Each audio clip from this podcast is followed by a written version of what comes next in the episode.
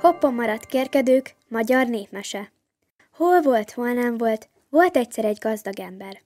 Uzsorából gazdagodott meg. Valamelyik károsult egyszer felgyújtotta az egyik tanyáját, hogy csak a pernye maradt belőle.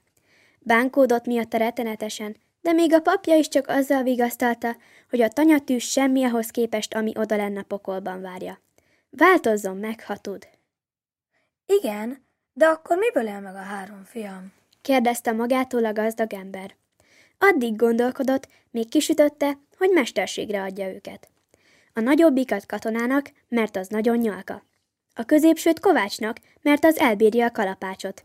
A kicsire meg rámondta, hogy Jó leszel, fiam, Borbénak. a három fiú nem bánta, mert egyik sem kedvelte a paraszti munkát. A nagyobbik úgy gondolta, könnyebb lesz sétálni, a kardot vilogtatni, a másik kettő meg úgy, hogy addig sem kell kapálni, kaszálni, amíg az inos esztendő tart. Telt múlt az idő, a gazdag ember, ahogy öregedett, egyre azon járt az esze, hogy szabaduljon meg a pokolbéli tűztől, amit a pap emlegetett. Bezzeg a három mákvirág fia nem gondolkodott semmi. A huszár mulatott, a kovács meg a borbé a lányok körül legyeskedett.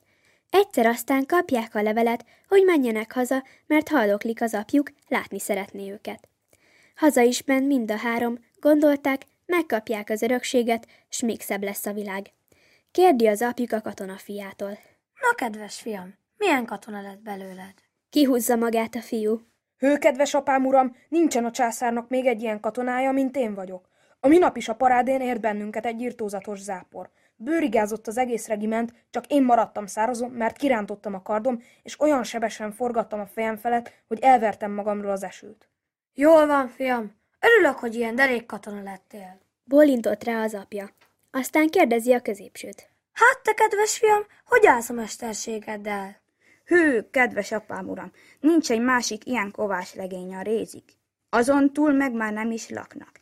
Tegnap is elnyargalt a műhely előtt egy fene nagy hintó, négy ló előtte. Lekiált róla egy fene nagy úr, hogy nincs ideje megállni, követségbe megy a császártól, de a patkókat ki kéne cserélni. A mester csak kaparta a fejét, de én megpatkoltam a lovakat futtóban. Meg se kellett állniuk. Sokra vitted a mesterségben, fiam. Bólintott erre is az apjuk. A fiatalabbik is ott áll a bátyai mellett, szépen megfésülködve, kipomádézva.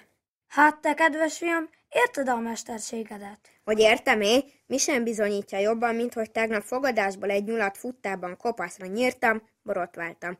Egy vágást sem ejtettem rajta.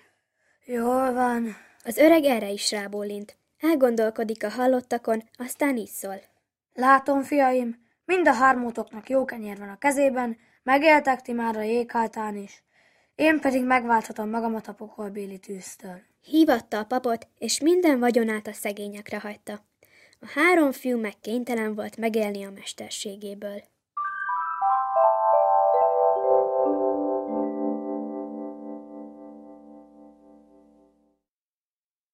Ez a műsor a Béton közösség tagja.